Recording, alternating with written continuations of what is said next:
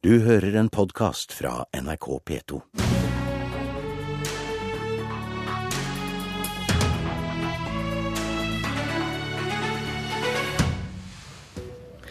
Likte du endringene i arbeidsmiljøloven? Vil du elske endringene i arbeidsmiljøloven del to? Den kommer i morgen, inneholder sterke scener som 'mann jobbet tolv timer' og 'kvinne jobbet flere helger på rad'. Og Frp vil tvinge Arbeiderpartiet til å si ja eller nei til forbud mot burka og nikab. Nå spiller Frp innvandringskortet. Igjen, svarer Arbeiderpartiet. Politisk kvarter del 1. Bør heldekkende plagg som burka og nikab bli forbudt i Norge? Gammel, kjent sak. Erlend Wiborg, stortingsrepresentant for Fremskrittspartiet. Du anklager Arbeiderpartiet for dobbeltkommunikasjon? Ja, i høyeste grad. Fremskrittspartiet har fremmet forslag om å forby bruk av burka, nikab og andre heldekkende plagg gjennom mange år. Det forslaget har blitt nedstemt hver eneste gang. Så fikk vi nå i sommer, og En av begrunnelsene Arbeiderpartiet har brukt for å stemme ned vårt forslag, er at de mener at dette bryter med menneskerettighetene. Så eh, fikk vi nå en dom i Menneskerettighetsdomstolen nå i sommer. Og Den eh, ga oss helt rett i at det er helt lov å innføre et forbud mot heldekkende plagg eh, i, i Norge, hvis vi ønsker det. Da gikk Jonas Gahr Støre ut i VG 2.7 og sa, prøvde å gi inntrykk av at Arbeiderpartiet egentlig nå er for et forbud, men at de har ikke tenkt å fremme forslaget selv. Men, men de vil nå vurdere dette. Og Nå har Arbeiderpartiet hatt et halvt år på seg på å vurdere saken. Og Da er mitt klare spørsmål er Arbeiderpartiet nå for eller mot et forbud. Du vil tvinge fram et svar? Ja, i høyeste grad. For jeg, veldig, jeg, begynner å bli lei av at Arbeiderpartiet prøver å dobbeltkommunisere i innvandrings- og integreringspolitikken. Vi er jo vant med at Arbeiderpartiet kritiserer Fremskrittspartiet for stort sett alle forslag vi kommer med. Men samtidig så prøver Arbeiderpartiet inntrykk av at de ønsker en strammere innvandringspolitikk. Men når det kommer til de konkrete forslagene, så ser vi gang på gang at Arbeiderpartiet stemmer imot. Og Det er derfor jeg nå mener nå har Arbeiderpartiet hatt god tid på å tenke på. Tenke på. Støre lovte 2.7 at Arbeiderpartiet nå skulle se på saken, og et halvt år har nå Arbeiderpartiet hatt på seg. Og, jeg, og Det er derfor jeg nå løfter saken opp til Stortinget. Så mitt enkle spørsmål til Arbeiderpartiet er dere for eller mot et forbud mot heldekkende plagg? Eirik Sivertsen, stortingsrepresentant for Arbeiderpartiet. Dere må være enige for at dette skal få flertall. Hva er svaret? Svaret er at vi mener at det ikke er noe forbud for å innføre et generelt forbud mot hvordan folk skal kle seg på Karl Johan. Vi mener at i utgangspunktet skal folk få lov til å kle seg som de vil. Og denne dommen den satte ikke i gang noen debatt i partiet ditt? Nei, men uh, Det dommen sier, er jo at uh, i den gitte saken så var det helt greit at Frankrike innførte et, et uh, forbud. Og Vi har en praksis i, i, Norge, en lov som gir hjemmel for å regulere hvordan du kler deg i, i gitte situasjoner.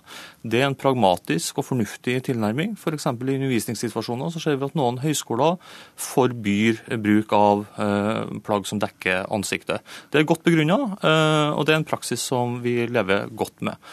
Og så I forhold til hva Jonas Gahr Støre faktisk sa, så sa han at hvis regjeringa legger frem et lovforslag i Stortinget, så skal vi selvfølgelig gå inn i det lovforslaget. Det har regjeringa ikke gjort, og dermed så har ikke vi hatt noe behov heller for å endre vårt standpunkt, fordi at vi ser ingen tungtveiende nye grunner til et generelt forbud som regulerer hva folk kan ha på seg, og hva de ikke kan ha på seg når de går rundt i byen. Her var det vel klart svar og ikke så mye dobbeltkommunikasjon? Ja, i dag var det klart svar fra Arbeiderpartiet. At Arbeiderpartiet altså er imot Fremskrittspartiets ønske om å få innført et forbud mot heldekkende plagg.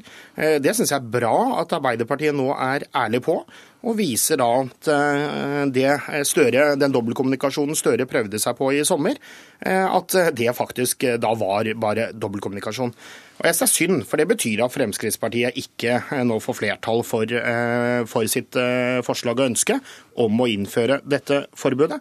Og Det er synd av to viktige grunner. Det ene er det rent åpenbare, det sikkerhetsmessige. Det at mennesker skal maskere seg når de går på gaten, det at man skal kunne maskere seg når du går inn i en bank, på et postkontor, i en matbutikk, det er viktig sikkerhetsaspekt i et åpent demokrati. At du skal kunne se ansiktet til mennesker i det offentlige rom.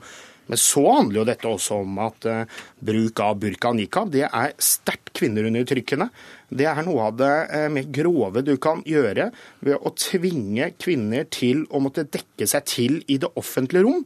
Og Da syns jeg det er synd at Arbeiderpartiet nok en gang velger en naiv og snillistisk linje her, i stedet for nå å ta kampen for eh, de undertrykte kvinnene, og for det helt åpenbare er at mennesker i Norge skal slippe å måtte dekke seg til. Sivertsen, er dette å spille innvandringskortet?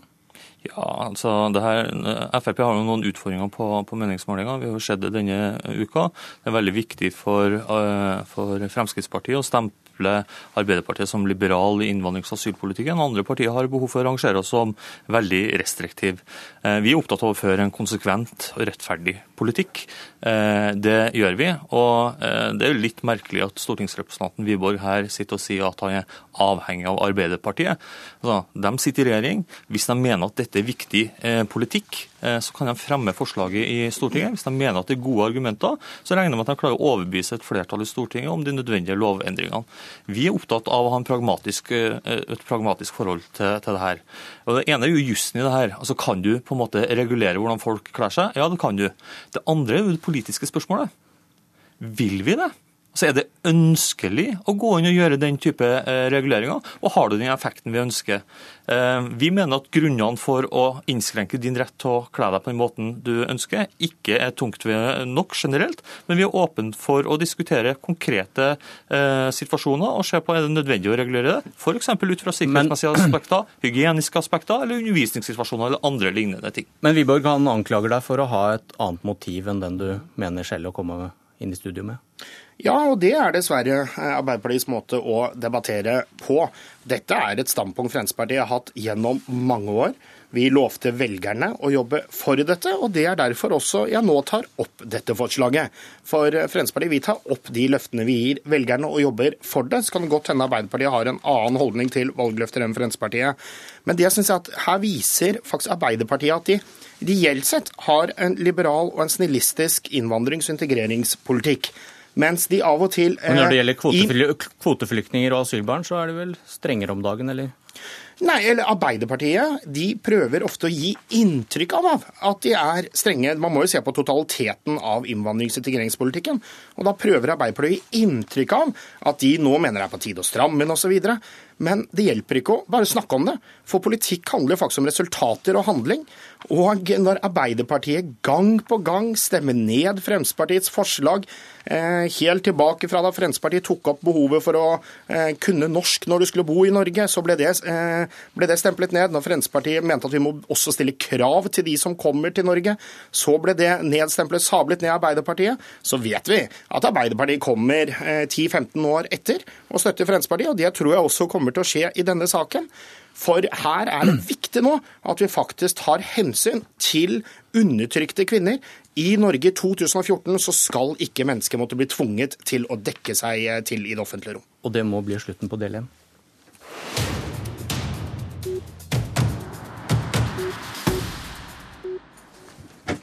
Del to nå blir det bråk om hvor lenge du skal jobbe. I morgen foreslår regjeringen å åpne for lengre arbeidsdager og hyppigere helgejobbing, bl.a. LO har allerede varslet streik for å gjøre inntrykk bl.a. på Venstre, som vel sikrer flertall på Stortinget også for dette, Sveinung Rotevatn? Først prøver jeg si at Hvis LO er gjør inntrykk på Venstre, så kan de bare avtale et møte med oss. Eh, det har vi vel ikke fått en forespørsel om ennå, men det kan vi gjerne ta, om arbeidsmiljøloven og, og andre spørsmål. Jeg tror ikke jeg trenger å stoppe Norge i to timer for å komme med beskjeder. Streik er ikke en kommunikasjonsform du foretrekker?